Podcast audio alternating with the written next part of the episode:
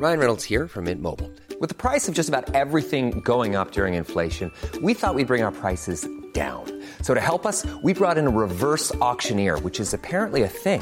Mint Mobile unlimited premium wireless. Ready to get 30, 30, bit to get 30, bit to get 20, 20, 20, bit to get 20, 20, bit to get 15, 15, 15, 15 just 15 bucks a month. So, Give it a try at mintmobile.com slash switch. $45 upfront for three months plus taxes and fees. Promo for new customers for limited time. Unlimited more than 40 gigabytes per month. Slows. Full terms at mintmobile.com.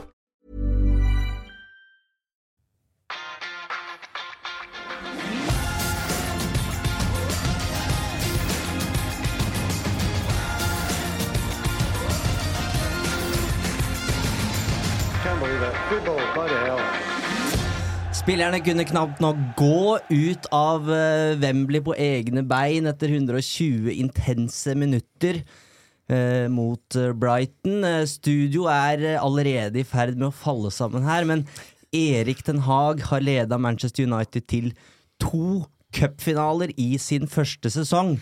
Jeg veit ikke hva slags helg dere har hatt, men jeg har hatt den uslåelige komboen utdrikningslag med påfølgende dåp. Nesten for meget med straffekonk, på, på tampen av søndagen der. Hvordan var, var det med nervene på Lørenskog, Fredrik? De var i høyspenn, de. Jeg venta til barna var i seng med å se den kampen. Eh, og etter 120 minutter så kom også jeg til straffekonken som dere var ferdig med å se. Eh, og da var eh, De var i høyspenn, men med minimalt med forventninger med tanke på Uniteds historikk på straffespark. Men eh, det endte ulykkelig, dette. Det gjorde det. Eh, kompaniaspiranten vår er på oppdrag, skal vi kalle det det, Fredrik? Jeg tror det er det vi kan si, ja. Eh, men vi har fått med oss en finalegrossist. Eh, hvis du skulle ramme inn én av dem, eh, Christian, hvem ville du hengt på veggen? Av finaler ja, Det er umulig å komme unna 99, da. Bak målet da Solskjær skårer. Det var, eh, det var stort! Eh, Og så var det gøy da med straffesparkkonkurranse å stå bak eh, målet og se John Terry skli i akkurat rette øyeblikk. Fotballgudene var, var på lag med oss akkurat der. Tenk å ha de to på CV-en, da. Ja, vi, vi er ganske heldige. Definitivt. Og da har vi en ekspert også, for vi skal jo snakke om disse straffene, selvfølgelig. Eh, ta oss gjennom det. Um, og vi skal snakke om Champions League-playoffen mot eh, Tottenham. Og vi har premiere på podkastens første spalte, men jeg syns vi skal begynne med vår svenske Iceman, jeg. har nok krutt å sette den opp i krysset! Manchester United er i FA Cup-finalen! for en eh, dramatikk, og det kunne ha gått begge veier. For Viktor Lindeløv han blei matchvinner han på Wembley, Fredrik. Han ble det, og for en kamp han hadde. Eh, ikke bare for et straffespark, men for en kamp han hadde. Eh, etter den opplevelsen som han også var en del av i Spania. Eh, ikke medskyldig der på den måten som mange andre var, men, men han også kom fra en skrekkelig opplevelse i Spania og løfter seg på den måten der. En gigant i går. Du Eivind har jo stått bak han i så mange år nå. Jeg har vært mye mer skeptisk. Og jeg sier ikke at han skal spille fast for nå og bare hive den rett inn der, men at han er, bekrefter nok en gang at det er en spiller United mer enn gjerne bør beholde, eh, og som kan gå inn og gjøre en så solid jobb. Eh, det er et luksusproblem hvis man har en, en sånn spiller som trives med den, eller hvis han kan akseptere den rollen han da har hatt, og fortsetter å komme til å ha United, så er det en mann United bør eh, ta vare på. Det var ikke helt han vi hadde sett for oss skulle avgjøre på, på Wembley, Christian. Nei, kanskje helt nederst på lista de man skulle tro skulle avgjøre med straffesparket hans. Det var jo helt fenomenalt. Men veldig mange gode straffespark eh, i, i går. Også en eh, keeper som egentlig like gjerne bare kan bytte ut, eller han kan stå ved siden av stolpen. eh, bare gjøre noe annet, for han må slutte å dette ut som en potetsekk. Altså, det er jo bare flaut. Ja, Hva sto det på flaska til eh, David Gea? Legg deg ned til høyre. Nei, jeg syns jo til det være så var han jo etter overraskende mange av straffene. Eh, men han var jo likevel ikke helt i nærheten. Men eh, vi kan fortsette litt med Lindløv, fordi Iceman-kallenavnet har jo jeg langt egentlig slitt litt med å forstå. Eh, sånn, er han så iskald, er han så Men det, det, han bekrefter jo det. Selv om han nå er langt inne i sin karriere på Old Trafford, så viser han mer og mer hvorfor han, han blir kalt det. Uh, han er en veldig god fotballspiller uh, og kommer veldig til sin rett i Ten Hag-systemet. Og straffesparket som han bare dunker opp der, det viser at han har noen ferdigheter som, som ikke bare er som forsvarsspiller. Så ja, imponert. Jeg har jo, eh, eller Vi har jo snakka om eh, Harry Maguire mange ganger eh, før, og han får eh, mye tyn, og da pleier jeg å forsvare han, men eh, man kan vel kanskje spekulere litt i at eh, det er litt befriende for Lindløf å ha en annen makker eh, ved siden av seg.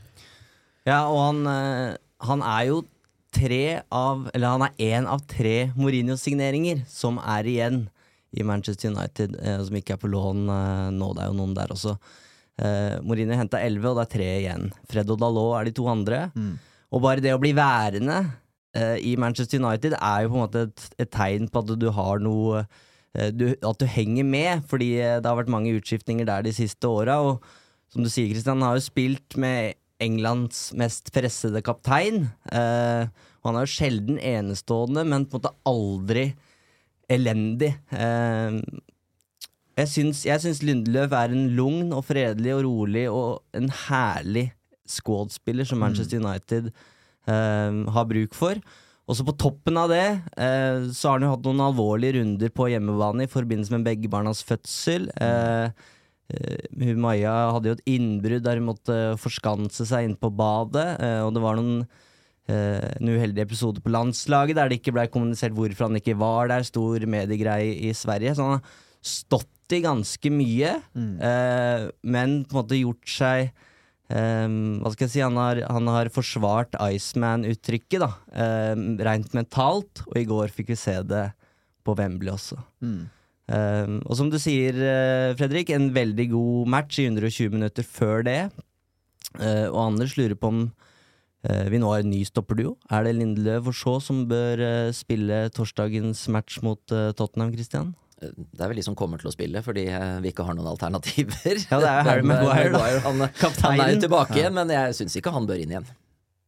Jeg hører Nei, ikke det. De framstår mer solid. Helt enig. Og i, min, i mitt køsystem så har Lindløv vært foran Maguire en god stund. Eh, og etter at Lindløv nå grep sjansen, eh, takka for tilliten, eh, retta opp inntrykket sammen med laget etter fadesen i Sevilla.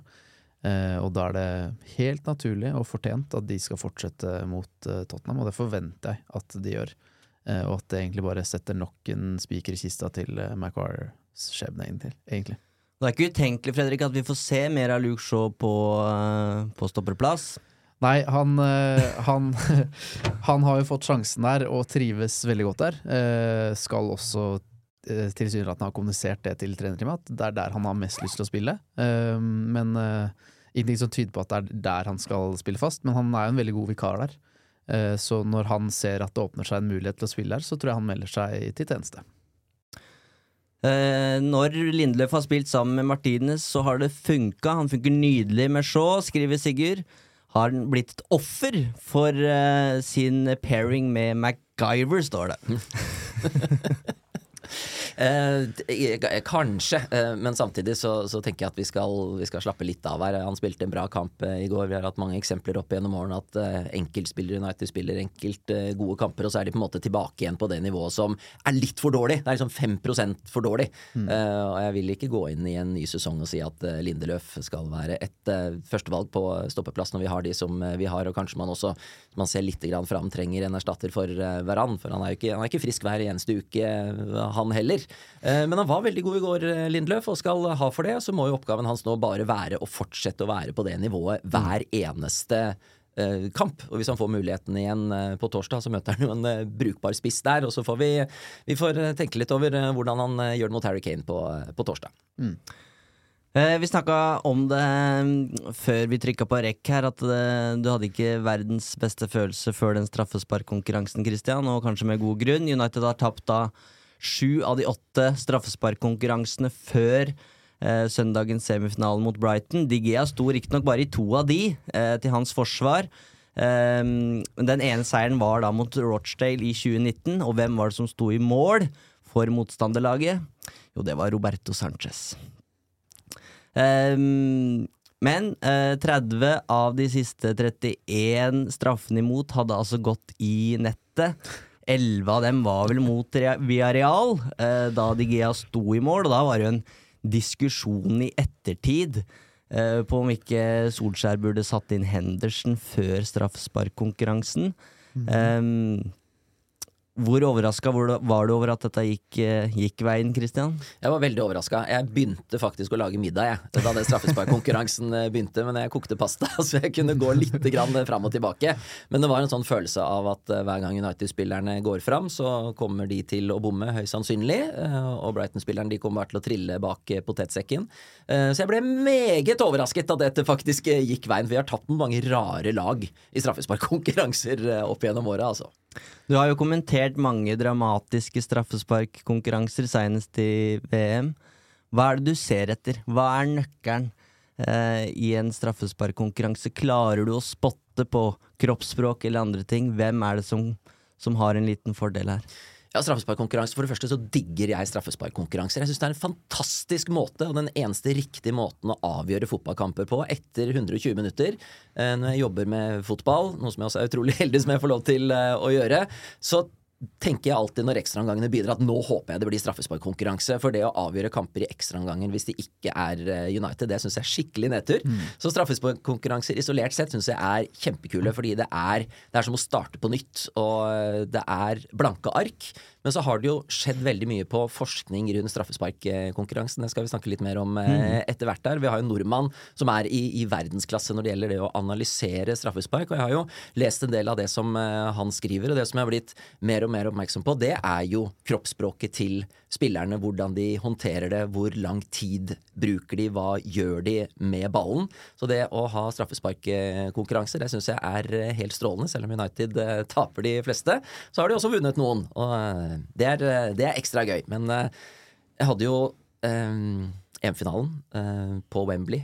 Ikke på Wembley, dessverre, pga. covid. Så satt jeg i en mm. kjeller på Marienlyst. Men det var jo en av de tøffeste straffesparkkonkurransene, fordi det var så utrolig mye som sto på spill. Og noen av gårsdagens aktører var jo mm. også med. Mm. Jeg tror vi setter over til Geir Juria, som svarer på om Ten Hag har gjort noen grep med det United-laget siden det mm, tapet for Villarreal på straffer. Brighton tok med seg keeperen til myntkastet, så de hadde, hadde, to personer der. Men det du ser da, det er at United-spillere kjapt står opp og slutter opp rundt sin kaptein for å sørge for at de er flere på plass der. Eh, som er litt interessant å se. Noe som United ikke ville gjort for et par år siden. Da var det ikke obs på sånne typer ting. Men med kanskje management, kanskje enkelte spillere, Fred f.eks., syns jeg står fram som en god lagspiller i så måte, så, så, gjør de en del rett da, eh, før de, før de starter konken. Um, og, og, sånn generelt så var jo straffene gode. Både for United og Brighton så, så, så blir det slått godt. Det er, det er, sikre straffer. Uh, selv om keeper går rett vei, så har ikke keeper mulighet. Og det tyder på at uh, begge lagspillere har gjort mye rett i forberedelsene de er sterke mentalt uh, in the moment, uh, og de leverer som de skal. Og det er ikke nødvendigvis en selvfølge, så det er godt gjort av, av begge lag. Og så er det det store øyeblikket uh, når Veghorst har skutt sin straffe. Helt greit. Skårer, har gjort sin jobb, er på vei tilbake. Og du ser at han kommer på. Han kan jo gjøre mer. Ber om ballen, får tak i ballen, har muligens registrert gjennom straffekonk han var med i VM bl.a at eh, Brighton har en rutine der keeper gir ballen til skytter, som jo er en veldig ålreit måte å starte straffespark på. At du får ballen fra en, fra en venn. Så han tar tak i ballen og bærer den med seg mot da Sonny March og gir den over med et lite kyss. Eh, og det som også er interessant i den situasjonen der, det er det at eh, han tiltrekker seg jo da dommerens oppmerksomhet, så dommer følger med, går mer eller mindre med med, med Vegårst fram til March. Eh, og da benytter DG av seg av muligheten, mens dommeren har ryggen til, til å begynne å feige litt med foten foran straffemerket. Det ser ikke ut som han graver opp straffemerket med foten, men han er såpass aktiv at når Solly March får ballen, så ser han sannsynligvis det første han ser, det er en keeper som står og herjer litt med straffemerket. Og da har vi en situasjon der eh, der United har skapt et lite overtall, mer eller mindre. Eh, og fordi dommeren kun er én person, så har ikke han sjanse til å se, se, alt som skjer. Så jeg tipper at Solly March føler seg bitte lite grann eh, played i den situasjonen der, rett før han skal ta dette sparket. Om det bidrar til missen, er vanskelig å si, men vi kan i hvert fall si, gitt eh, hvordan det sparket var, at det var ikke noe spesielt godt straffespark. Eh, og at eh, dette her eh, har spilt en rolle, det er jeg ganske sikker på. Så jeg føler at United vant straffekonken med det som skjedde rett før det, det sparket der. Ja, det var mange som var i aksjon etter hvert der. Hvem var det du var mest sikker på, Fredrik, og hvem var du mest usikker på av de som sto klare? Oi. Eh, det var ikke så mange jeg var sikker på eh, når Bruno ble bytta ut der, så jeg var veldig spent på hvem som skulle gå fram. Eh, og tenkte skal Casemiro ta første? Og så dukker det opp en video på Twitter etter det, hvor det er han som melder seg. Det er han som vil ta den. Det også elsker jeg, at han melder seg til tjeneste og bare jeg tar den første. Og så er det også noen som har skrevet at da Real Madrid vant straffekonkurranse i 2016, så var ikke han engang blant de fem første som tok. Så om dette er en sånn eh, en rolle Men- Det sier jo litt, da, fordi eh, Ten Hag har jo tatt av, Rash, eh, tatt av Eriksen, Bruno, Martial og Antony, som alle Ja. ville vært potensielle straffetagere. Det er tre igjen i den skal vi kalle det, førsteelveren av utespillerne. eh, Rashford, Casemiro og Shaw. Og jeg rangerte for meg sjøl eh, straffetagerne før, før, eh, før de skulle i gang. Og da var jo Casemiro nummer tre eller noe. Ja. Men det var jo kun basert på én ting, rutine og det å liksom ha hodet kaldt. Mm. Jeg ante ikke hvordan han var på straffer, men det sier jo litt om eh, de elleve Ten Hag kunne velge her. Mm. Jeg, eh, I tillegg til, til Casemiro så var jeg ganske sikker på at Shaw skulle skyte ganske tidlig. Um, Solskjær trakk jo han fram som en av de Mm. beste avslutterne til United. Og det er også en jeg har sett for meg er, på en måte er voksen nok til å ta det ansvaret, og en som vil ha litt, trives litt med det presset, trodde jeg. Eh, men han skøyt vel ikke i går? Nei. Han kom, han kom ikke så langt. Eh, så nei, jeg trodde også Fred skulle skyte eh, Mm. tidlig. Uh, uten at jeg hadde følt meg trygg på det. Så har jeg visst at han er en som ble sendt fram ved tidligere anledninger. Overraskelsen er vel Dalot. Ja, uh, som setter en god straffe. Men uh, United Altså, det, det er en grunn, i tillegg til det historiske her, med United som er dårlig på straffer. Så visste jeg at det er ikke så mange av United sine faste som skal fram her. Eh, og keeperen i mål, som heller ikke er spesielt eh, god på straffer. Så eh, nei, merkelig at, at vi gikk videre. Jeg, jeg kalte kona opp, sa at nå må du sette deg her. Nå skal du sitte i armkroken min, for nå må du trøste meg når dette, når dette går gærent. Hun satt der, og vi feira sammen. Så det var et fint øyeblikk. Ehm, for det går jo fint, eh, det her. eh, og spørsmålet er Er det Vegard sitt eh, kiss of death som utgjør forskjellen her? Um, det Jeg tror absolutt det har noe å si. Og det er jo noe, Geir Jorde er jo innom disse tingene i sin forskning, med hvilke enkle, men også skitne triks som Det er ofte mye enklere enn man tror. Det er ganske sånn banale ting. Jeg husker jeg intervjua han for mange år siden i United-supporteren, da David Moyes var trener. Eh, hvor han også snakka om at det laget som jubla mest etter å ha skåra på straffer, de har også en ganske mye større prosentvis sjanse for å vinne straffekonk.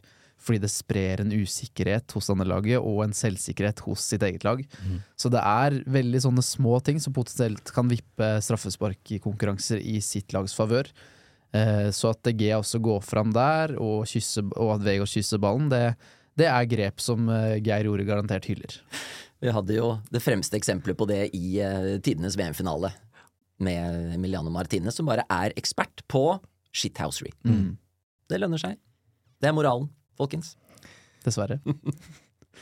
Eh, så blir det Lindløf som, eh, som setter den, og vi må jo også sende en takk til Jaden Sancho, som også har vært gjennom sine utfordringer utenfor banen, og bare smeller den i krysset.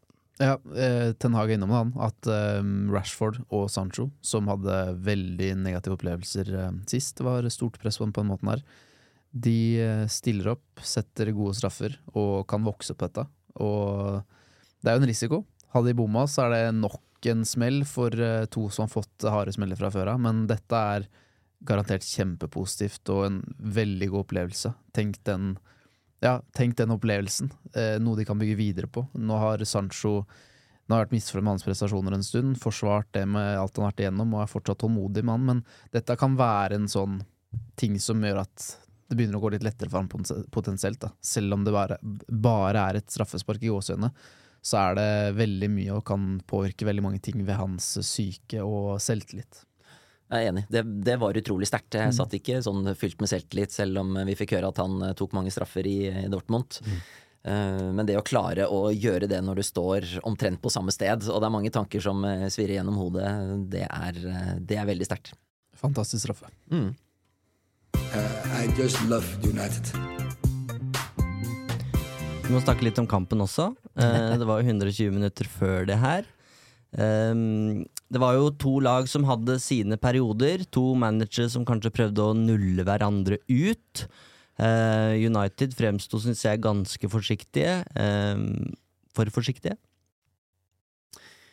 jeg tror at vi må, vi må se den siste uka inn i den kampen her. Eh, for det å komme eh, fra den eh, Sevilla-opplevelsen, du er ute og reiser, det er den derre mølla igjen med å komme hjem eh, seint, det er lite tid til å forberede seg mot en veldig god motstander. Brighton kan bare liksom surfe gjennom hele uka. Jeg tror uansett hvor gode spillerne er, uansett hvor mye du har betalt, uansett at det er Manchester United mot Brighton, hvor i utgangspunktet vi bør være, være størst og best, så er det et bakteppe her som, som jeg er ganske sikker på at eh, utgjør en ganske stor eh, forskjell eh, inn i denne kampen. At det er en konsekvens, det at vi går ut på den eh, måten som man gjør.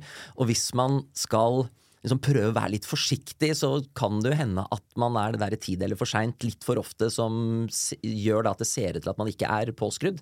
Og så tror jeg nok at jeg er påskrudd, men det er om å gjøre å finne det rette nivået akkurat inn i denne kampen med, med disse forutsetningene. Og så må vi ikke glemme at Brighton er et skikkelig bra fotballag, altså. Det er de, eh, og jeg tror også det Selvfølgelig spiller det inn eh, den opplevelsen United har hatt på torsdag. Ikke minst at de spilte kamp på torsdag, og ikke minst at de har spilt tre kamper ukentlig så så lenge nå. Så her er det også slitne bein og hoder som spiller inn. Jeg tror også at det er en respekt for Brighton i bånn der. At United vet at wow, vi skal virkelig være gode i dag for å kunne, for å kunne slå disse her. Eh, og kjempeimponert over det Brighton leverte veldig lenge. Eh, og så gjør Ten Hag noen grep underveis der. Men jeg tror også at manglende aggressivitet og intensitet i United-spillet handler litt om usikkerheten på hvordan skal vi egentlig kneble dette Brighton-laget, for de er så gode i det de er gode på, men primært at det rett og slett handler om trøtte bein. da. Og kombinasjonen der gjør at, det, at, at United blir litt passive, senest senes litt forsiktig og usikre ut. Så jeg tror det er flere faktorer som på en måte spiller hverandre dårlig for United sin del. Um, og så er litt skuffa. Eh, det kan hende at Øyvind Eide er helt uenig med meg men jeg er litt skuffa over at jeg syns United fremstår litt lite forberedt når det gjelder når Brighton skal sette i gang bakfra. For da veit vi at det er et angrep for Brighton. Der, der er det så at de laga som går høyt på Brighton, de får ofte en kjempesjanse imot seg. Fordi at det er to-tre pasninger sånn, og så har de en genial måte å spille av det høye presset på. Eh, og det syns også at United ble De gikk fram med fem-seks mann, og så slo de den ene pasninga som gjorde at Brighton kunne bare komme. Og jeg tenkte at dette, dette vet og United om. Mm. Jeg syns også det understreker at vi er såpass tidlig i Ten Hag-fasen eh, og hans tid på Old Trafford at han får ikke så mye gratis av spillerne sine ennå. For dette, han, de forstår på en måte kun Det virker som de kun forstår det han sier. Og hvis det skjer noe uventa underveis i kampen der, så evner ikke de helt å justere det selv. Så dette må tas i pausen eller i en vannpause for at Tanaka skal, kunne- korrigere det. Det syns jeg er litt interessant, og sier litt om at dette laget trenger enda flere ledertyper og fotballkloke hoder. Det utvikler seg til å bli en spansk keeperduell, det her. Um, Digea-debatten den uh, ruller videre. Uh, han har jo hatt litt av ei uke uh, med først en enorm nedtur i Sevilla, og så har han jo to meget gode redninger. Um, først på det frisparket tidlig i kampen, og så et sånt Enciso-langskudd eh, litt seinere. Og eh, har jo en god match, selv om han da faktisk ikke redder et eneste straffespark, da, men står jo igjen som en av, eh, av hoderolleinnehaverne her. Eh, hvor står du i Digea-debatten, eh, Christian? Eh, jeg står på at eh, United definitivt må utrede de aller beste alternativene i verden til eh, David Igea, for han kan ikke ha klippekort på det laget her i årene som kommer, uansett hvor lenge han har vært der, uansett at han har vært en klippe og redda ræva vår ved innmari mange anledninger. Det gjorde han også i går. Han, han er fenomenalt god på det han er god på, og så har han noen åpenbare svakheter eh, som jeg er veldig usikker på rett og slett holder eh, inn i den kampen vi kommer til å ha mot de beste lagene i England og Europa de neste fem årene. Så er det jo nå uh, cupfinale. Jeg tror uh, Ten Hag fikk fem-seks spørsmål om Manchester City uh, og Uniteds mulighet da, til å stoppe denne tripperen som de uh, jakter. Første Manchester Derby i en engelsk cupfinale. United var sist i FA-cupfinalen i 2016. Rashford, Marcial og Digea igjen fra det laget der. City var der i 2019. Uh, mange har jo egentlig allerede snakka United litt ut av den cupfinalen her. At, okay, eller ut av, ut av kampen om, om, pokalen, i hvert fall. Uh, nå er vi der mot City, men de kommer til å bli for sterke. Uh, Brede har et litt annet perspektiv. tidenes cupfinale, spør han. Ja, det er, ikke, det er, ikke, noe gærent det, fordi det er så mye som står på spill her, potensielt. Mm. Altså Hvis det er sånn at uh, City ligger an til å uh, vinne en trebbel, og det er det eneste laget som har vunnet det før som kan uh, stoppe dem, så er det en innmari god historie. og jeg, jeg, liker ikke tanken på, sånn personlig som United-fan, at City skal gjøre det samme som vi gjorde. For jeg, jeg, liker rekorder, jeg. Jeg liker at United mm. er, er, best i alt, og så høres det veldig sånn grisk ut. Og når man også har 80-tallet i, i bakhodet, for jeg har blitt såpass gammel, så er det jo nesten helt urealistisk å forvente at man skal være størst og best uh, alltid. Men hvis City gjør det samme som vi gjorde i, i 99, den kommer til å svi for meg, altså. Mm, helt enig. Det er jo frykten, det. Uh, det sier jo litt om hvor vanskelig det er å oppnå. Mm. Det er uh, veldig veldig mange år siden United tok trippelen i Barcelona. og det vondeste ville vært at City gjorde det samme, og spesielt at de gjorde det mot oss. Uh, og så veit jeg ikke helt hva jeg syns er verst, om Brighton skulle bare gitt det til dem, eller om at jeg foretrekker United. Det er de som skal stoppe det selv. Det, det kommer helt an på utfallet, det, hva mm. jeg skulle ønske. Men uh, de som avskriver United uh, til, en, til, et enkeltoppgjør mot City på nøytral bane, de Helt enig at City stiller som favoritter der, men at United kan vinne den cupen her, selvfølgelig kan de det. Og så er det lenge til. Det er mye som kan skje. Mm. Tror, det, er et, tror... det er motstanderlag som uh, har noen nøkkelspillere som spiller uh, veldig ofte. Vi vet ikke hvordan den situasjonen kommer til å være i, uh, i starten av juni. Og de er jo ikke i Champions League-finalen helt ennå. Um, de har ikke vunnet ligaen heller. Nei, det har de heller ikke, selv om ting tyder på at de sliter litt på Emirates. Men mm. jeg tror det ligger en kjempemulighet der. Jeg tror den kampen her kommer til å kle United. Det er nesten sånn at de tenker jo mer United blir snakka ned, jo bedre. Mm. Uh, Ten Hag veit hvordan han skal slå City. Fikk spørsmål om det da på pressekonferansen og uh, sa litt sånn humrende at ha, det deler jeg i hvert fall ikke med dere. Uh, så får vi se hvilken plan han, han har. Men uh, hvis United er heldige her, så har de sikra topp fire. Nå handler det bare om å måtte stå og løpe ut her. Og den matchen mot Tottenham på torsdag blir jo kjempeviktig i, i så måte. Men sannsynligvis så vil jo United ha god tid til å forberede seg på den FA Cup-finalen, eh, mens City da kanskje eh, både er i et tittelrace og skal spille en Champions League-finale én uke seinere. Eh, så jeg tror kanskje United vil ha Altså, jeg, jeg syns den finalen her kler United bedre enn om de skulle møtt for eksempel Arsenal. Ja, og hvis du tenker på City sin potensielle inngang til det, så kan de komme dit med et vanvittig press for seg med at shit, vi kan vinne treberen. Eh, og de kan også komme dit med dårlige opplevelser den siste tiden. At Lia Gull røyk på målstreken, eller at de tapte en, en Champions League-finale. Så her er det det er, så, det, er, det er, veldig tidlig å prate om den kampen, men at det i utgangspunktet er én kamp mot City mellom to gode fotballag med to lag med nerver høyspenn og alt å tape og alt å vinne det gjør at det er, jo, det er, jo, veldig åpent. Så de som har forskuttert det tapet der, de, Det er jo en fin måte å forberede seg på skuffelse, det, men det er ikke sikkert de får riktig likevel. Jeg tror bare det er mange som gruer seg. Og det skjønner jeg. Ja. ja. Mm. Eh, det er noe litt annet enn å møte Newcastle i, i ligacupfinalen. Mm. Og jeg kjenner meg igjen det med å ta sorg på forskudd. Slipper å være så skuffa etterpå. United skal i hvert fall tilbake til Wembley, det er helt eh, sikkert. Eh, og det har jo nå gått opp og ned eh, med Ten Hag i, i første sesong. Men det vi kommer til å huske, er jo disse cupfinalene, Christian. Og altså to cupfinaler og topp fire, um, det er jo mer enn vi hadde våga å håpe på. Jeg satt jo her og snakka om noe, noe uh, statistikk her forrige gang, og du var litt bekymra for min familie, så jeg har ikke sjekka hvor mange managere som faktisk har vært i to engelske cupfinaler i sin første sesong. Men Ferguson var det ikke, Wenger var det ikke, Mourinho var det ikke. Eh, Klopp, Guardiola, eh, Arteta, Conte, Tuchel det, det, det, er ingen av de, i hvert fall. Og Det er, du har jobba litt her i kveld. Lært litt.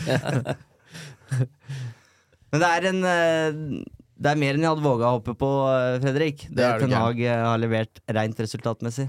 Ja, men det er vanskelig å prate om Ten Hag uten å, uten å rose den, selv om det går opp og ned. Og det er eh, Med fare for å gjenta meg selv til det kjedsommelige her, så er det Um, Det er imponerende, det han får til. Selv om det butter litt imot her og der. Men det er akkurat som forventa. Det er akkurat sånn det skal være i en første sesong, hvor han så vidt er i gang. Og dette, dette treet bare fortsetter å vokse og vokse. Ja, jeg synes vi, må, vi måtte nevne liksom Ten Hag før vi, før vi går videre. Eh, til det som er vår uh, første spalte her i podkasten. Den heter Uno dos tres, eh, og er da kalt opp etter podkastens eh, kallenavn. Det er Petter Skarstein som har sendt inn forslaget. Han skal få en eh, premie tilsendt av oss. Ønska seg en Uno-kopp. De har vi ikke lagd ennå, Fredrik. Nei, vi må komme dit, tydeligvis. Kom med forslag til merch, så skal vi gjøre det vi kan for å kunne levere det. Men Petter, du får hvert fall en eh, gave. Eh, vi tar kontakt på Instagram, så finner vi et eller annet du har lyst på i nettbutikken. Det har kommet veldig mange forslag, og gode forslag, eh, Fredrik, til spalter, så banken er full. Den er full, og var, vi bada et luksusproblem når vi skulle velge den første. Og det kommer sikkert flere. Så vi vil bare takke for alle gode bidrag. Det er veldig hyggelig og gøy for oss at folk engasjerer seg såpass mye. Så det håper vi at folk fortsetter med. Og så takker vi for at vi nå er i gang. Uno dos tres. Eh, konseptet er ganske enkelt. Det er en topp tre-liste. Eh, forskjellige kategorier. Der har vi også fått masse gode forslag. Eh, så der har vi mye å jobbe med framover. Eh, men vi begynner eh, passende nok med Uniteds beste straffetagere. Um, og her syns jeg nesten prosess, prosessen, eller hvordan vi snakker oss fram til svaret, er mer interessant enn en de, de, de tre vi ender opp med. Um, en liten disclaimer da før vi begynner å, å diskutere Cantona og de andre. Um, det her er jo usikre tall før Premier League-æraen. Uh, da blei det ikke nødvendigvis registrert om det var straffemål eller ikke. Uh, så det er usikkert hvor mange mål Charlton Best og Law har på straffespark, for eksempel. Riktig. ja. Men Eh, skal vi basere oss på faktaene, eller skal vi på en måte diskutere rundt hvordan vi husker disse som straffetagere? For hvis vi skal basere oss på at Ruud van Nistelrooy satte så og så mange av så og så mange, eh, så blir det jo veldig enkelt å koke ned til tre. Mens eh, det er litt Ja, å ta det på husken, syns jeg. da Jeg sitter jo med fasit her på hvor mange de forskjellige har tatt, og treffprosent og sånne ting. Men jeg er mest ute etter magefølelsen. Ja. Eh, når United står i, i straffesparkkonkurranse mot City på, på Wembley i 3. juni, Mm. eh, hvem ville dere valgt? Eh, og nå kan dere da velge helt fritt. Christian, du har vært på Du var der i Moskva. Jeg var der i Moskva. Jeg var der på, eh, på andre finaler og husker det tilbake med, med stor glede. Og så gjelder det å finne fram til de personene som takler de begivenhetene der på, eh, på best måte. Eh, men jeg, kommer jo ikke unna Bruno Fernandes. Altså sånn når man ser eh, Mm. 30 år eh, tilbake i tid. Mm. Så er jeg litt usikker på eh, van Nistelrooy, faktisk. Fordi det sitter noe sånn derre ting at han mangla liksom det derre aller siste for å bli aller best. Han pøste inn eh, mål på, på sin måte eh, for oss. Men et lite sånn der eh, mentalt spørsmålstegn som bare sitter baki der. Du snakker om eh, prosessen og, og Nei. magefølelsen. Han gikk jo som regel for kraft, hvis jeg ikke husker feil. Mm. Eh, det er jo noe, noe med det som er litt mer risikabelt enn en Dennis Irvin som bare Mm. prikka han hver gang. Mm. Jeg, eh, jeg nevnte Ruud van Nistelrooy fordi det, det var da jeg var eh, liten og på en måte så opp til det. Jeg prøvde selv å perfeksjonere den varianten å skyte straffe på. Veldig hardt nede i nettveggen, til venstre for TV-tittelen. til høyre for keeper. Eh, og det som var problemet, var det var veldig forutsigbart at det var der han var god på å legge de. Eh, så etter, eh, innimellom, kanskje sånn hvert syvende eller tiende straffespark, så måtte han på en måte trille til høyre, bare for å mikse opp lite grann. Eh, og så er det vanskelig å ikke huske den bommen hans mot Arsenal, hvor han gjorde stikk motsatt av det han var god på. Så jeg er enig i at Der, der skyter han plutselig høyt og hardt, eh, så der ble han jo tatt av, spist av nervene. eh, I en toppkamp mot Arsenal veldig sent i kampen. Så jeg sier ikke at han er best, men jeg husker han som en veldig god straffeskytter. Så jeg, jeg ser ikke bort fra at jeg putter han på en topp tre, men det er ikke sikkert han når opp. For jeg husker jo også Dennis Irvin og Erik Cantona, fordi jeg har sett det på video. Ja, og Cantona må inn på den lista, for han Ja. hadde jo elska det. Ja. Å stå der, helst foran City-svingen. Han må inn, helt enig. Han er vel kanskje den som takler det presset best. Som ville alltid stå i de situasjonene der. Mm. Uh, jeg veit ikke hvordan vi skal sirkle oss inn her, men eh, jeg Har du flere navn på lista di, Eivind? Jeg har flere navn på lista. Det er jo en eh, viss eh, portugiser som uh, tok en del straffer. Mm. Um, som riktignok har et uh, litt mer skittent omdømme i dag. Så jeg vet ikke hvordan det spiller inn. Eh, så er det Wayne Rooney. Jo, var jo fast straffetaker i, i mange sesonger, eh, og skåra på flere, tror jeg, enn det folk liker å huske. Um, det er eller Ellers har du vært innom de, eh, de beste. Jeg mistenker at eh, Dennis Irvin har eh, veldig høy treffprosent. Um, litt kjedelig svar, da, men for en, for en spiller, da. Uh, Skåra jo hat trick bort mot Brann i en eller annen preseason-kamp eh, for mange år siden. Uh, Cantona, eh, jeg ser for meg at vi putter ham på topp. Gjør vi ikke det? Ja, han begynner med Cantona. Ja. Ja, og begynner med bestemann.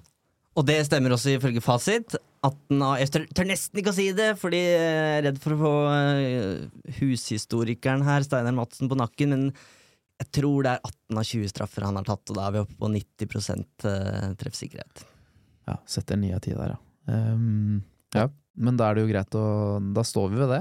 Eh, jeg er helt også enig med at eh, det skal mye til for at jeg klarer å plassere Bruno utenfor den topp tre-lista der.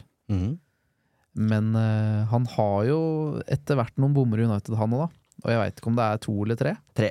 Det er tre. Men hvis han da har satt uh, 23 av 26. Ja. Det er, ganske sterkt, altså.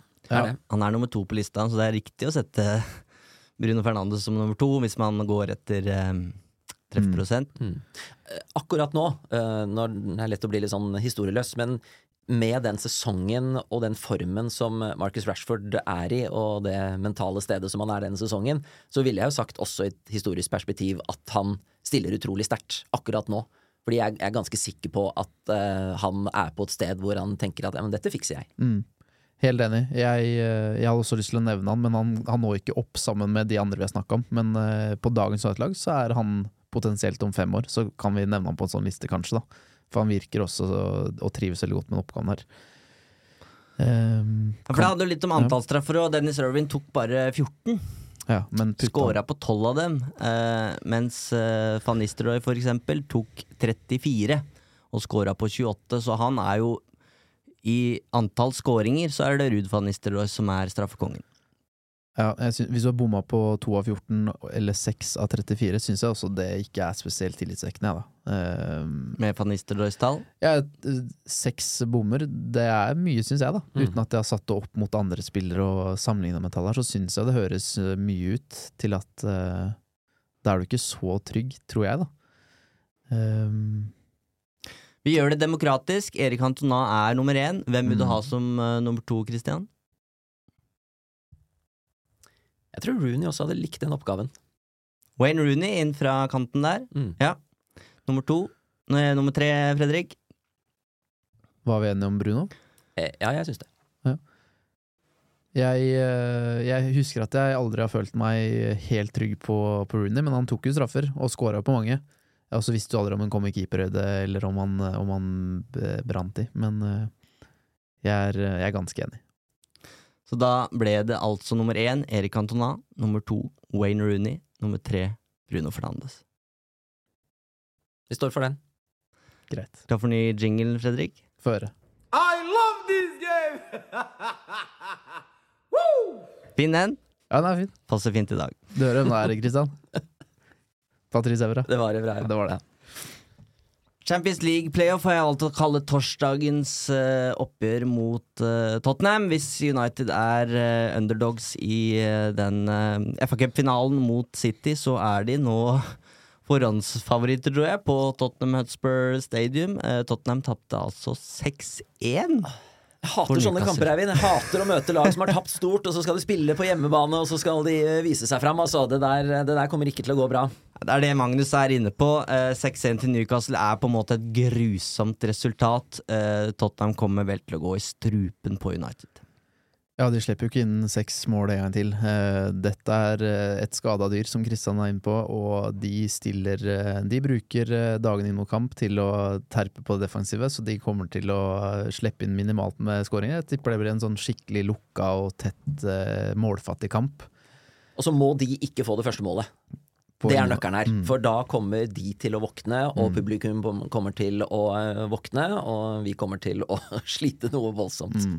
Og så er det ikke sånn at Tottenham nå kommer til å være et fantastisk lag bare fordi de tapte, men uh, det skjer gjerne noe med innstillingen, og de, de skal revansjere dette, spesielt foran sine egne. Så det er et dårlig utgangspunkt for United. Og så er det positivt at de er svekka, svekka selvtillit, selvfølgelig, men mm. det er mange elementer som gjør at det er aldri gunstig å møte Er det ikke Drillo som sier det? Aldri bra å møte et lag som nettopp har tapt stygt.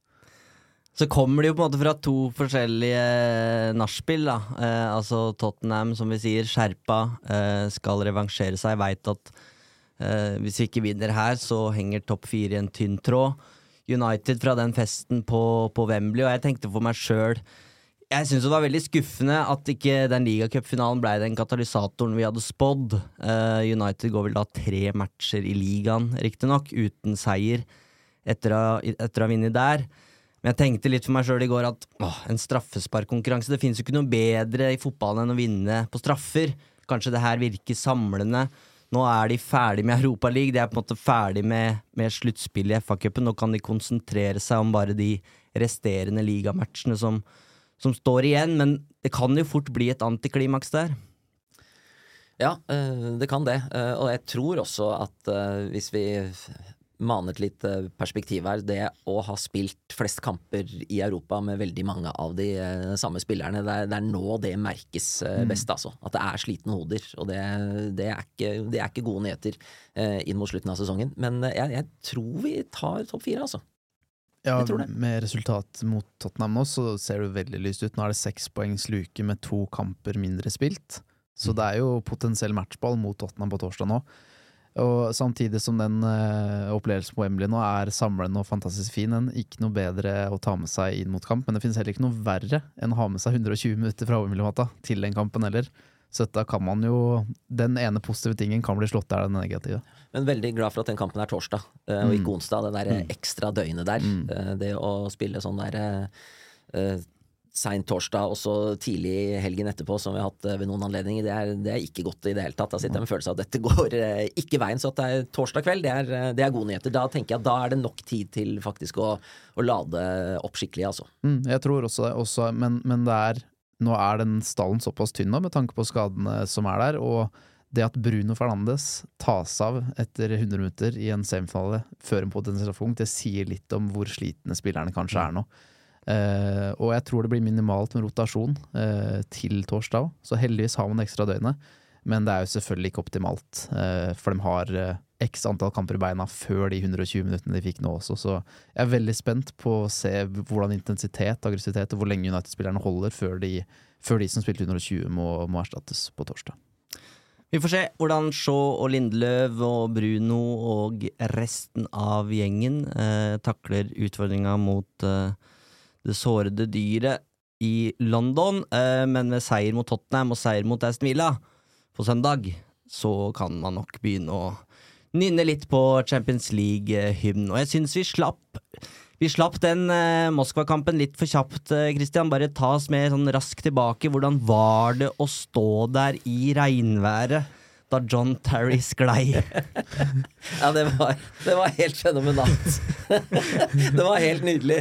Uh, og det var jo den der følelsen av at uh, fader, nå går det på trynet. Nå er det bare å stålsette seg for at motsatt halvdel på tribunen kommer til å juble for, uh, for sin første Champions League-seier. Og at det er John Terry av alle som sklir i akkurat det øyeblikket og, og, setter den i stolpen. Det er et av de magiske øyeblikkene som fotballen gir.